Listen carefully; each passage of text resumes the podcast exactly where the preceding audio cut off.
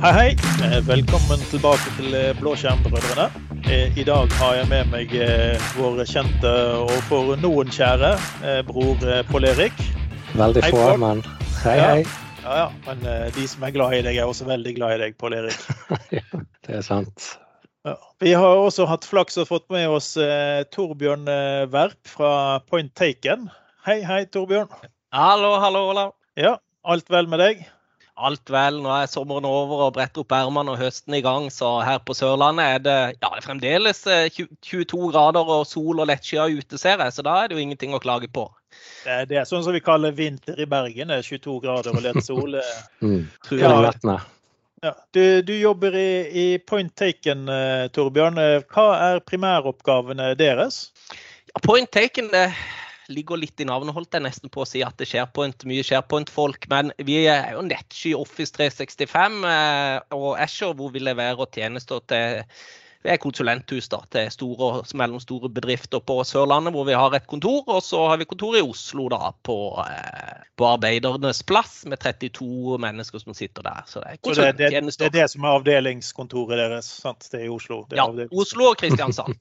Ja, det er riktig. Kristiansand er hovedkontoret. Ja, ja, ja, det sier jeg. Ja, selvfølgelig. Ja. Selvfølgelig. Fram til dere får et i Bergen, da vil det selvfølgelig naturligvis bli det som blir det nye hovedkontoret. Ja, det diskuteres, men, eh, men ja, ja, Bergen. Ja, det er jo fint i Bergen, så jeg kunne- kunne godt hatt et kontor der, ja. Når du sier det. Ja, ja eh, Hva gjør du for tiden da, som, er, eh, som opptar din arbeidsdag? Oi, det er jo et, eh, et bredt spørsmål. Så det, det er jo så mangt. Det første jeg har tatt opp i nå som eh, sommeren er over, da jobba denne uken med noe som heter innholdstyper. Content types i, i, i SharePoint Online. Det har blitt litt nytt, så, så det, det er jo én ting jeg har jobba med. Og så eh, migrering er jo prosjekter vi hele tida har, da. Hvor vi migrerer type gamle SharePoint-servere som har stått og gått, det er de versjonene som heter 2007 og 2010 og 2013 og 2016 som står der innelåst på et datarom. Og, og jeg har ingen mening at de skal stå der og, og da få samme funksjonalitet og få migrert dataene opp opp i SharePoint Online. Så det er jo prosjekter vi gjør veldig mye. Som jeg har gjort i, spesielt mye de siste årene, hvor liksom Office 365 har, har tatt litt av, med Teams i ryggen. Eh, også, så blir det også migrering av, av tradisjonelle fileshare. Det er også noe jobber, jeg jobber mye med. sånn Få flytta disse her svære filområdene som brukere har, og home-områder, og få det opp i OneDrive for Business, og få strukturert filer ut i, i SharePoint Online og Teams. Ja, Så det er vel det. det er, ja. Der, der tror jeg det er faktisk veldig mange som bommer litt. For at eh, de, de har allerede kjøpt eh, Office 365-lisenser. Og de har masse lagringsplass. De har SharePoint online. eh, Men som du sier, de blir sittende igjen med servere de er usikre på om de kommer til å dø snart. Eller hva kan skje med dem. Det er ikke patchet og det er ikke vedlikehold. Det kommer kanskje ikke nye versjoner. De kommer kanskje ikke patchet til det de, de kjører på. Eh, Og så har de allerede da en mulighet til å flytte det over på en ny og bedre plattform. eh, er det enkelt? Er det noe de bør grue seg til? Eller hvordan føler du at de, de fleste kunder som har en gammel SharePoint-løsning, klarer å løse dette med å migrere SharePoint til, til skyen? det blir jo et lite prosjekt, så kan det jo være litt forskjellig. Noen ganger er det veldig enkelt hvis ikke det er gjort så veldig mye på den SharePoint on-prem-løsninga. For det du har, ikke sant? du har jo Kall det følgetrøst, at du kan installere og ballere og gjøre hva du vil med en SharePoint-løsning. Så hvis den har stått og gått i mange år hos en kunde, så har de jo gjerne integrering med andre fagsystemer. De har egne kan du si, webpartner, egne applikasjoner de har lagd inn i SharePoint on-prem. Og det er ting som ikke du får lagd i Office 365. Så der blir det jo et lite prosjekt hvor vi går inn, ikke sant? så må jeg gå inn og identifisere hva de har av tredjepartsapplikasjoner som du da ikke kan trykke inn i Office 65.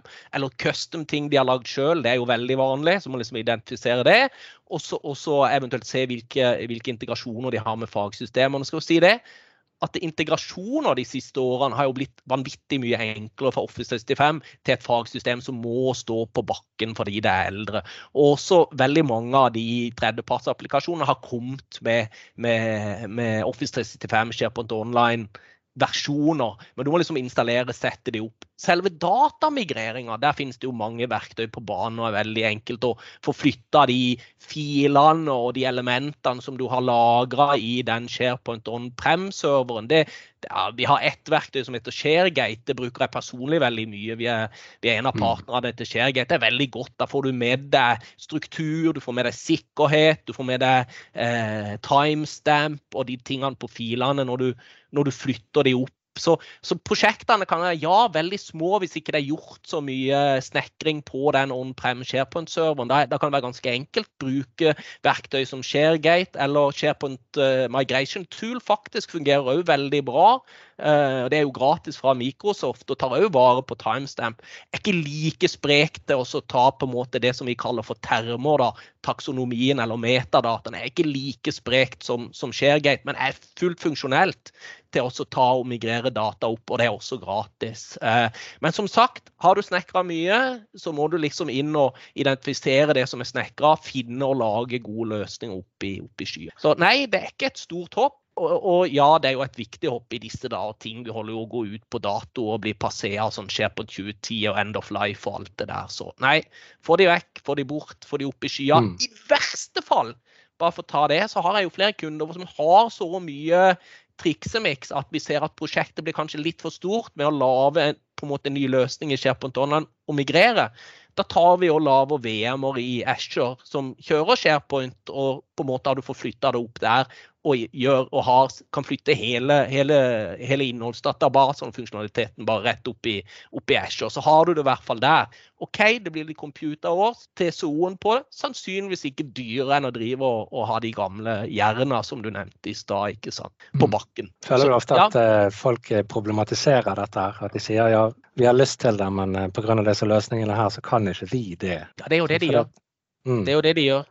Det er jo det de gjør. Men, men, så blir det litt sånn tvungen på. Det er litt sånn forretningsstyrt, dette her. At de ser ja, OK, sikkerheten er ikke helt på plass. Og nå som mange har hatt hjemmekontor, så blir det òg litt sånn brukerstyrt. At vi ønsker jo å ha dette tilgjengelig. Det er ikke alle som har VPN og alt det der på plass for å nå den gamle løsninga. Og så begynner han å bli litt sånn passé. Det ser kjedelig ut. SharePoint på bakken er jo et banneord. Det, det, det er jo ikke mange som liker det. si, for å banne litt i kjeften. Fordi at det er, det er ikke så responsivt og det er ikke så moderne som det er i SharePoint Online. Det er ikke så glossy, det er ikke så enkelt å navigere, og det er ikke så tilgjengelig som jeg nevnte med VPN og sånne ting. Får du det opp i SharePoint Online, strukturerer det ut der, plugger på Teams bak så du får workspace og chat og video og alt dette her og strukturerer det godt ut, så blir det jo en helt annen verden. Du har mobile-appen SharePoint, og du har det direkte rett på nettleseren din. Så er du i gang med, med den løsninga som du syns var helt forferdelig on-prem, blir faktisk en god og grei og rask og responsiv løsning i SharePoint Online. Mm. Det, det er vel det samme problemet her som vi ofte ser eh, i, i alt av migrering.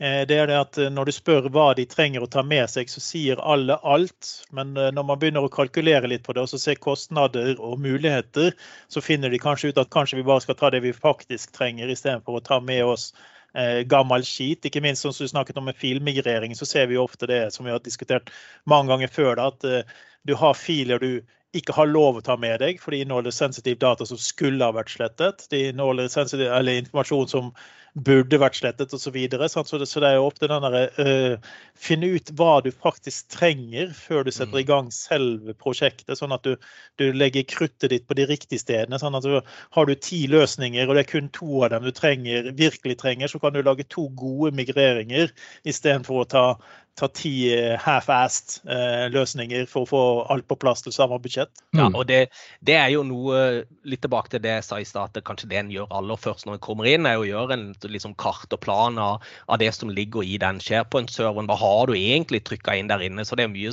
der som kunden sjøl ikke vet at noen har installert en eller annen gang. Så må en se om noen bruker det, og så på en måte gjøre litt analyse av det. Og så se hva er det egentlig vi trenger å få bygd. Og dermed så får de jo renska opp litt, kanskje. En del av det kan vi bare legge inn i et arkiv, og kanskje mye av det Så da får du i produksjon bare det som er i produksjon, og du slipper å gå rundt og være redd for mye rare greier du har installert som ingen bruker i det hele tatt. Det blir jo litt av samme approachen du har på filer, og det er jo gjerne kapittel to i, uh, i de prosjektene som jeg jobber i. de årene og framover nå er jo gjerne at har du en SharePoint-server du flytter den, så begynner du også med filer. fordi at de hører litt sammen. En del, mange bruker jo de gule mappene som prosjektstyring og som salgsstyring osv. Da gjelder det å få det opp og kanskje smelte litt sammen i den samme strukturen for litt sånn vinn-vinn-situasjon. At folk kjenner seg igjen. De vil kunne bruke Teams. De har alle filene i SharePoint Online. og de, Du får liksom samhandlinger i Teams, samhandlinger i SharePoint Online vil fungere mye bedre. Og da får putta de der gamle filene som bare ligger og dør på, på et fileshare opp i SharePoint Online. som som du sa, Ola, innledningsvis, er jo det at lagring er jo gratis, så å si, i nettskyen. Du betaler jo ingenting, verken i, i OneDrive for Business eller i SharePoint Online. Så det er jo bare å dytte data opp i forhold til lagring. Det er jo null mer kost i det. Ja, ja for realiteten er jo det, det er faktisk ikke gratis, men du må betale for det uansett om du bruker det eller ja, ei. For det er en del ja, av lisensen din. I rephrase myself. Det, det er ikke gratis, but it's included. Ja, jeg har jo hatt kunder som har måttet kjøpe opp litt, litt mer lagring òg, faktisk. Fordi de har flytta så mange terabyte. Og jeg har ikke så mange lisenser at det er nok i Shepard Online eller i OneDrive for Business. har vi kjøpt litt, men det koster jo bare en bugg. Så det er jo ingenting. Hva koster det å vedlikeholde disse gamle filserverne? Og ikke minst, hva koster det med backupen av disse filserverne osv. Altså, du har... kjøper SAN ikke sant, for å utvide det her fordi du har gått ja. full. ikke sant? Det er jo et mareritt. Og en ja. kostnad som er vanvittig høy. Og, og approachen til å flytte den er liksom migrere integrering av filer, hvis jeg er litt over på det, kapittel to, som gjerne kommer etter eller samtidig med at du velger å flytte SharePoint, som kanskje er litt mer forretningsstyrt. Filer er jo litt sånn, sånn mer sånn brukerstyrt. Du har masse eh, prosjektavdeling, salgsavdeling og bare sånn common file som ligger og flyter. Så det er mange som på en måte begynner der og prøver å å komplisere det litt. Vi har jo så mange filer, det er ikke noe problem fordi at mottaket er så uendelig. Ah, men det tar så lang tid. Nei, du har jo Azure Disk. Du kan flytte det opp til Azure som en løsning Microsoft har. Ta filene dine ut på disk, shipper de til Microsoft, så er de tilgjengelige i Azure. Kan du migrere derifra? Da går det jo 1000 sillion ganger raskere enn å migrere det fra ditt datarom opp. Du har eh, verktøy som er veldig raske. Jeg har brukt Files to Go, en sånn leieapp som er utrolig raskt å flytte. Eh, sammen med SharePoint Migration Tool og ShareGate og de jeg nevnte i stad. Du har verktøy som kan starte skedulert og tidsstyrt og stå og snurre gjennom natta og flytte filene dine, og sågar gjøre en inkrementell flytting etterpå. Hvis, hvis liksom filkopieringa tar noen dager? For det gjør det gjerne. Hvis du har hundrevis av gigabyte eller terabyte med data, så vil naturligvis kopiering ta noen dager, avhengig av den båndbredden du har på, mm på nettverket ditt. ikke sant? Så, Men så, skal man jo være klar over at du har jo verktøyene inkluderer jo eh, resynkroniseringsmuligheter. Så det blir ikke snakk om at ting er, ting er ikke nede i to dager. Eh, ting blir migrert over, og så mm. blir de resynket eh, før du tar det i bruk. Sant? Så det er liksom ikke noe som er en sånn som vi er vant til med en switchover, ved at vi har begynt å flytte noen filer over på den nye serveren, og derfor må vi slutte å bruke dem der osv. osv. Her er jo mm. alt on online helt til du velger å switche over og ta en siste synk. Sant? Mange av de verktøyene kan du jo liksom installere på flere servere på en gang, på Adm-servere som står står og snurrer, så at du får flere piper som går og, og spinner opp filene der de skal være. Og er du i tvil, som jeg sier, det er ofte det første steget, for du vil alltid møte tvil hvor skal jeg plassere disse filene. Er du i tvil, så har du kalt et sånt archive-område hvor du strukturerer ting opp. Så kan man heller flytte derifra og så inn i en struktur. Altså flytte internt i Office 365 er forbanna raskt. Om det er fra OneDrive for Business, har du to knapper så flytter du data fra OneDrive for Business også inn i SharePoint Online, og også innvendig i de forskjellige hubene og sitene du har i, i, i SharePoint Online. Så det er jo bare en liten knapp, så flytter du og mover filer, og det går jo utrolig mye raskere enn å liksom gjøre en ny, ny migrering. Så få det opp, og få ned de der gamle serverne. sånn at Du får spare lagringsplass og vedlikehold og datarom og fandens oldemor som du holder på på de gamle serverne. Så det, det steget er jo ikke langt. Det er jo bare å begynne. Just do it, pleier jeg å si. Men men gjerne få noe konsulenthus. Om du ikke velger point taken, og skal ikke selge oss inn til alle som hører på, velg å bruke noen profesjonelle konsulenthus som har erfaring med å ha gjort det flere ganger. Det, det er liksom lite. Ikke, ikke begynn å bale med det sjøl hvis det eneste du har drevet med er å drifte disse serverne og supportere kundene dine som en IT-avdeling. Da er det, lurt å få litt bistand, altså. Ja, og man vil jo gjerne gjøre dette eh, man vil gjøre det én gang. Sant? og Man behøver ikke så, å opparbeide seg kompetanse for å gjøre det. Man bør heller få hjelp med å komme i gang. For eh, Flyttingen skjer jo av seg selv, men dere får gjort det riktig. Ja. Så, så det, det, det, er som du sier, det er et godt råd å få en ekspert til å sette opp. For du har ikke lyst til å bli ekspert på dette her, for du skal Nei. ikke gjøre det mer enn den ene migreringsjobben i ditt mm. firma. Så, men Pål, når, når yes, vi gjør dette her Nå sitter dere to der og sier at filserveren er død. Er det dere sier? Hva, hva de, jeg har kjøpt et vanvittig svært nettappsystem her som har kostet meg millioner. Jeg kan ikke kaste det nå. Har du byttet ut eh, NT4-serveren din med nettapp nå, eh, Pål? Ikke én nettapp. Jeg har eh, Hele veggen her er full av nettapp-lagringsbokser nå. Ja, ikke sant. Det, det, kjøpte jeg i går. Da sa du ingenting om at det var ikke noe vits lenger. Ja, for at du kjøpte det av meg, da. Ja, OK. Sånn var det. Ja, men er det, er det sånn at uh, de, de, aller største firmaene vil vel fremdeles ha behov for uh, lagringsløsninger, vil jeg tro? Det... SharePoint, kan, kan SharePoint ja, må de det? Nei, det er det jeg spør, jeg spør deg. Jeg sier SharePoint kan ikke ta alt. Det vil være filer som de ikke ønsker å ha der. Det vil uh, være filer som på en måte er for store. Altså, hvis du har CAD-tegninger og, og, har sånn type Voltstore hvor du har svære 3D-CAD-tegninger og er den type ingeniørhus og sånn, så ja, men det kan du jo pulte i Asher, da. Der har du en helt annen bandwidth i forhold, der kan du bare kjøpe opp det du vil ha. Bandwidth på VM-en og gjøre, gjør de tingene. Så nei, SharePoint kan ikke ta alt. Det går på størrelse på filer, funksjonaliteten på filer og praktikaliteten på filene. Sånn sett eh, eh er jo da hører ikke hjemme i SharePoint Online. En del sånne store Driver du med videomarketing og laver filmer, er du NRK, så vil du ikke putte liksom mediafilene dine inn i SharePoint Online. De hører ikke hjemme der. Men de hører hjemme i en mediaserver du har i Asher, så du, du kan jo liksom putte og lage og bruke Asher Store og bruke Asher-funksjonaliteten, syns jeg, istedenfor å kjøpe ting på datarommet ditt. Sånn Sane og sånn kan vi i hvert fall. Det er i hvert fall det er dødt, mener jeg, da. Vi har vel kommet til det punktet der vi kan si at eh, skyen er ikke bare fremtiden, det er nåtiden. Så ja, ja. sikkerhetsmessig og alt, så har vi masse fordeler med det. Ja. Man, man, må ha en liten sånn forbehold med å, å putte altså jeg er også det, Vi putter mest mulig i Asher Blob med fileshare f.eks. hvis man ser behov for det. Eh, men eh, noen tilfeller så må man også rekalkulere med hvor mye koster det å hente dataen din ut. For det å flytte dataen din opp koster jo deg ikke noe. Men vi ser hvis du har behov for å hente store mengder data ned for å analysere analysere det eller behandle det lokalt igjen pga. produksjoner eller andre ting som gjør at du ikke kan gjøre prosesseringen i skyen, eh, så ser vi at det kan være en ganske høy kostnad med å gå den veien. Da. Eh, så, så det er ikke alt, eh, men det er ekstremt lite som ikke har det bedre i skyen enn på ditt eget data, datarom. Ja, det er jeg enig i vil, du har jo printere stående igjen, og du vil kanskje ha AD-pålogging. Og du har noen gamle fagsystemer som er inne på i stad, som, som, du ikke kan putte noe sted, for de kjører på en eller annen Oracle AS400 eller noen aspektdatabaser eller noe sånt som eh, Det blir ikke hensiktsmessig, og det er ikke sikkert du har de der VM-templatene i Azure i det hele tatt. Og så får du båndbredden imellom med litt latency osv. Så, og så, videre. så Så veldig mye sånn, spesielt i norsk industri kanskje, hvor du òg har egne litt sånn lukka nett og litt sånne ting. Og du har også produksjonsnett. Og du har eh, gamle fagsystemer som eh, rett og slett ikke kan gjøre noe annet enn en eller annen gang må du oppgradere dem. Men han som har den kostnaden, her, kan du bare ikke bære liksom for å få det oppgradert. Så du vil nok ha en del ting stående på, på bakken enda i ja, overskuelig fremtid til det finnes nye løsninger, eller at du får oppgradert det der gamle legacy-appen.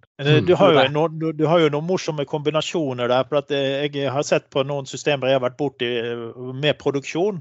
Eh, og de har hatt behov for tilgang til, til, å både skrive og lese filer. Og de filene må være lokalt pga. latency, og ikke minst hvis tingene går ned, så vil du fortsatt fortsette å produsere. Mm. Men, men, da kan du jo faktisk kombinere dette her med at du har eh, filserveren i skyen med lokal replika til din filserver. Eh, ikke filserveren, men blobben, da Asher-blobben, men du replikerer det ned til maskinen din, sånn at du faktisk har, har en backup- og recovery-mulighet hvis da den lokale skulle gå dundas istedenfor å måtte begynne å tenke på tape backup, ja. husk å bytte teip osv. Så, videre, så, så i de tilfellene hvor vi ser legacy-behovene, som ofte kan være fordi de er offline eller sære, til, eh, sære systemer, så kan det, det, å tenke moderne med å kombinere litt av begge deler faktisk øke effektiviteten og sikkerheten og, og, og gjøre hverdagen lettere. da.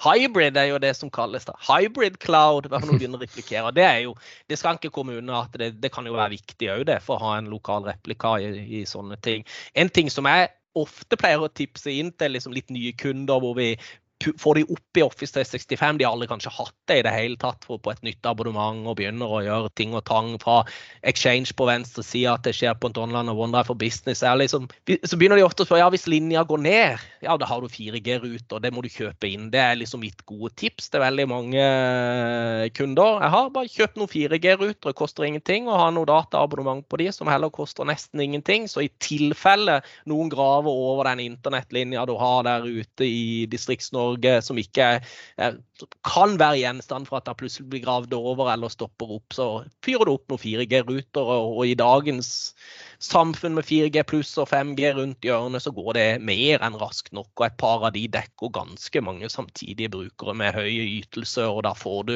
nådd filene dine og jobber i Teams og i SharePoint Online OneDrive for Business og Azure på samme måte som før, altså. Det var bra at du reddet deg inn der, for nå hadde jeg egentlig tenkt å påpeke hvor gammel du er, siden du bare snakket om 4G i disse 5G-dager. Så, så. jeg redda meg så vidt inn. Ja, ja, ja. ja. Det er som husker når 3G kom, og du vet ikke hva VAP-telefoner Nei, nå skal vi ikke gå helt da.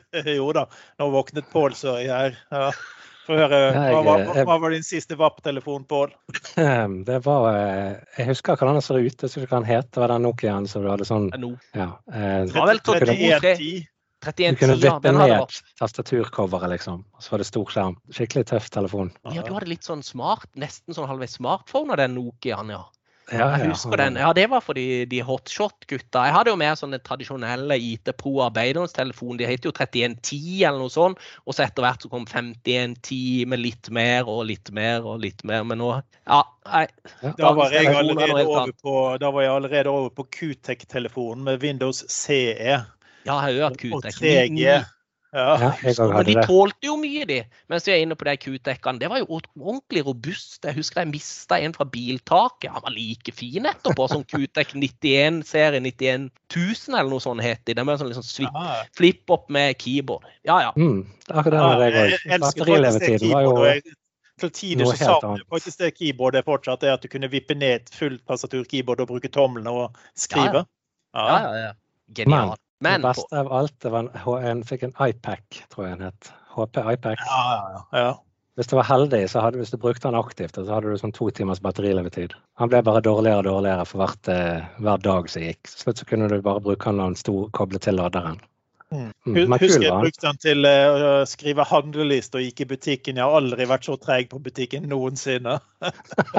Men er ikke, er ikke batteritid litt av dagens problem òg. Føler mobilen min den var knakende bra på batteritid når jeg kjøpte den for noen år siden. Men nå begynner den å bli eh, kjipere og kjipere. OK, jeg må lade den hver natt, liksom. Mm. Ja, så går du tilbake igjen til disse Nokia-telefonene og det man hadde på den tiden, så gjorde du egentlig regning med at du hadde en, en fulladet telefon i, i, nesten en uke, om ikke annet. Men i disse ja, tider skal du være glad hvis du ja. Mm. Klarer du, klarer du, to dager nå, så er jeg fornøyd. Så jeg klarer to dager med min, min telefon, men uh, da må han lades. Og da, det, tidligere så var liksom daglig lading tingen uansett. Sant? Men går du tilbake igjen i gode, gamle klassikerne, men det var sort-hvitt-skjermer. Det var ikke mm. stort krav der. Og, ja.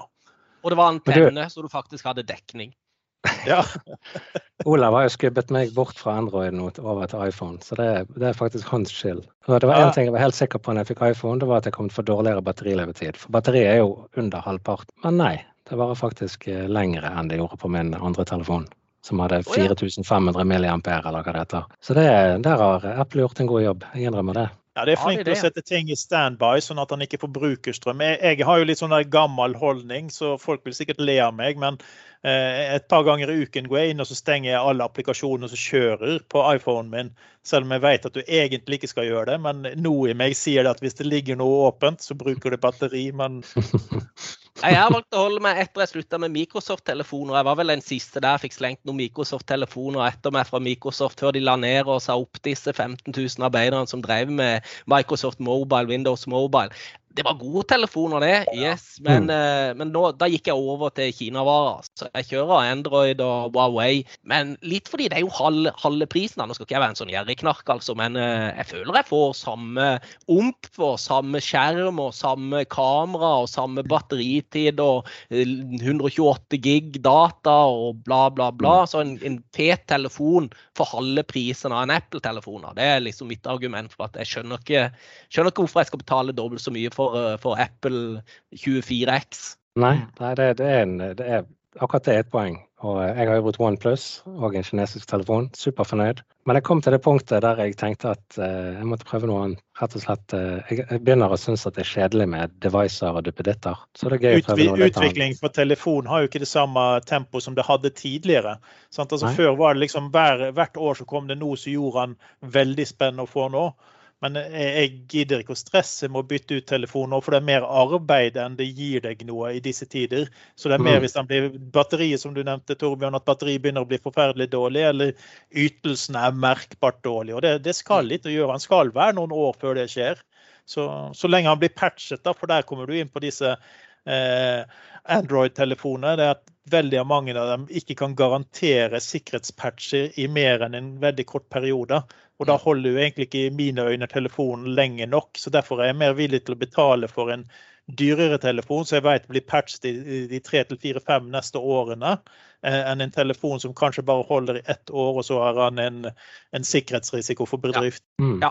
Nei, Det er viktig. Det, det var jo en ting jeg så på sjøl òg når jeg kjøpte telefoner, at han kunne kjøre de, de nye Android. sånn at Han har jo oppgradert det til nyere Android-versjoner. Husker jeg hva nummeret det var på den og jeg begynner å bli for gammel til det. altså. Men det var i hvert fall sånn at en også kunne få de nyere Android-versjonene og få, som du sier, Olav, de sikkerhetspatchene og få, få inn det. For det er viktig. Jeg patcher jo hele tida, og det er kanskje mer patching på Android enn det er på Apple. Kidsa har jo Apple-telefoner, så jeg er ikke helt ukjent med dem. Og de er for selvfølgelig liksom OK, pris. Men jeg må slå et slag for brukervennlighet og Apple-storen og hele den, og de appene du legger inn. Det er jo mye enklere og lettere. Det er jo ikke noe tvil om det.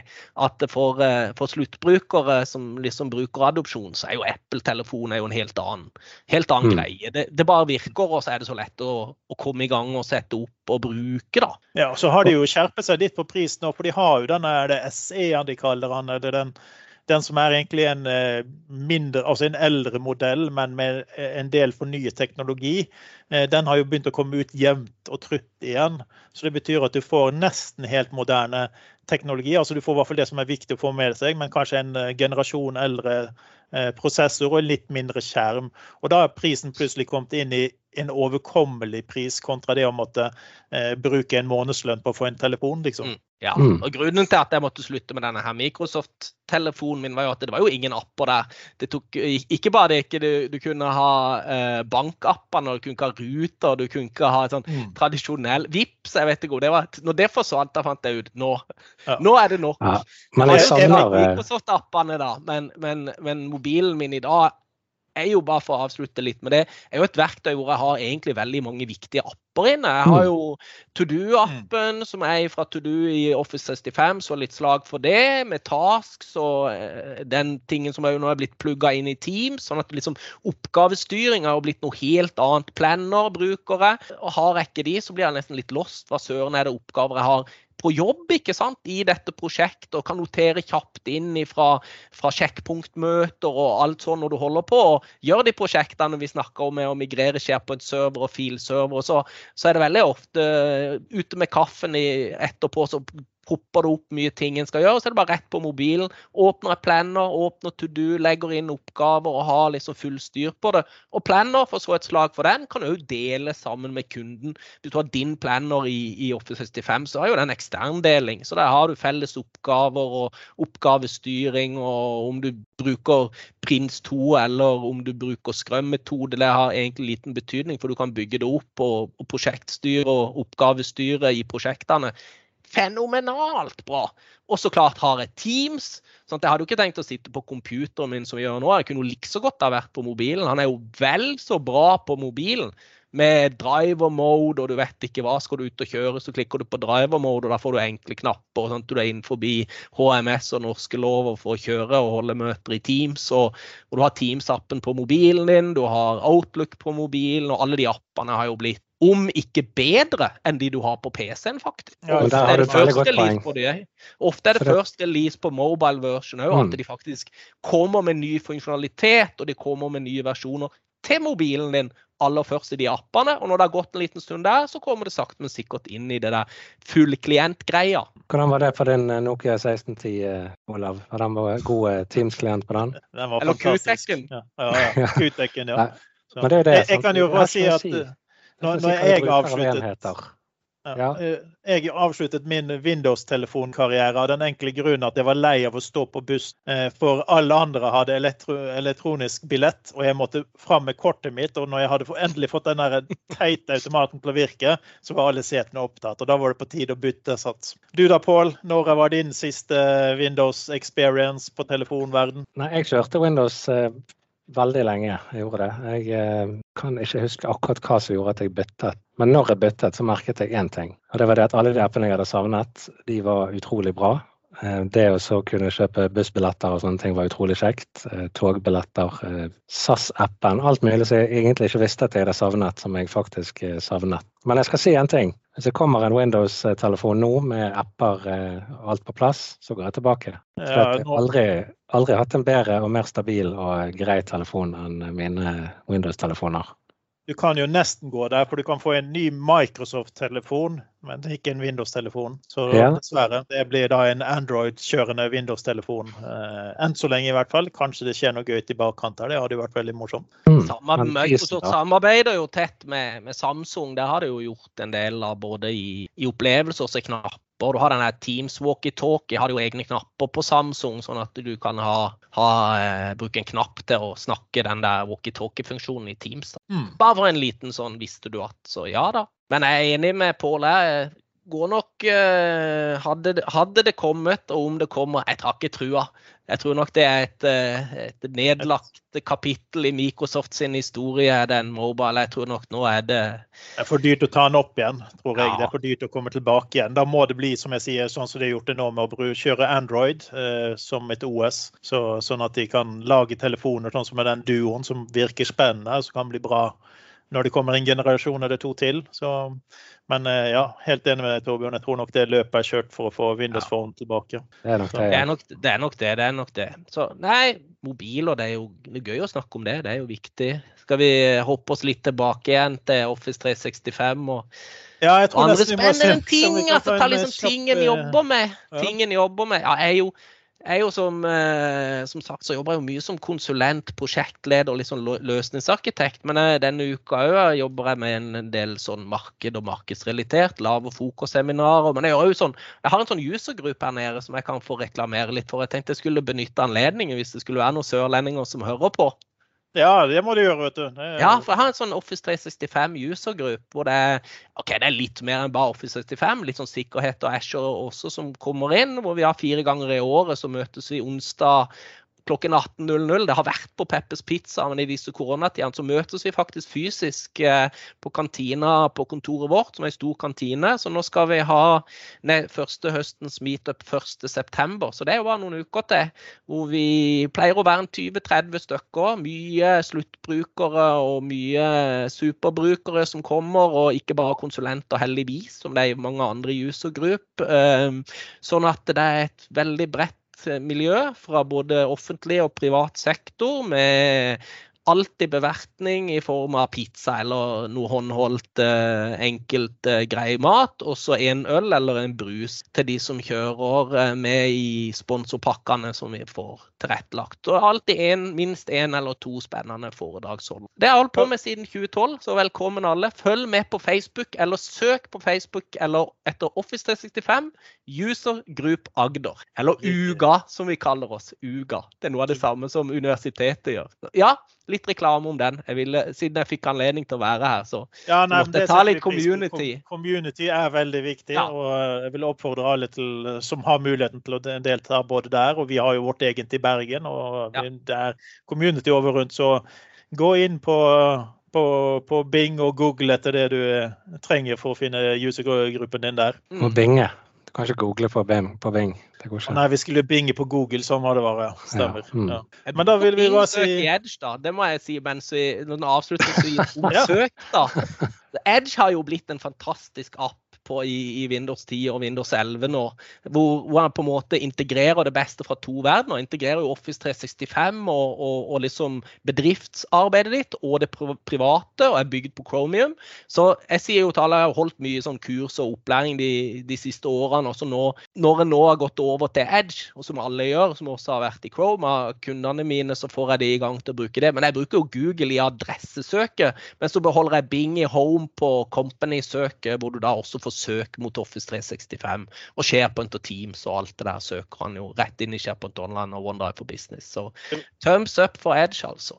Du vet, Nå ble, nå ble Alexander ekstra god venn med deg, for Alexander har en stor forskjellighet for å binge ting istedenfor å google ting. Så, så når du kunne trekke fram litt bing her, så blir Alexander også fornøyd. Ja, det er godt. Det er godt. Begynner å bli bra. Og ja, det er vel, ja, ja. Men jeg tror vi skal si takk for eh, denne gangen, eh, Torbjørn. Det var veldig spennende å få deg på besøk. Og ikke minst, Pål, det var som alltid hyggelig å ha deg her også. Det er det du sier nå. Og tusen takk for at jeg fikk komme. Det var utrolig hyggelig. Fikk jo prata både litt nostalgi og litt dagens eh, samfunn, så det, det var kjempegøy. Eh, ja, nei, ønsker deg lykke til videre med podkasten. Tusen takk. Da snakkes vi. Ha det. Ha det. Ha det.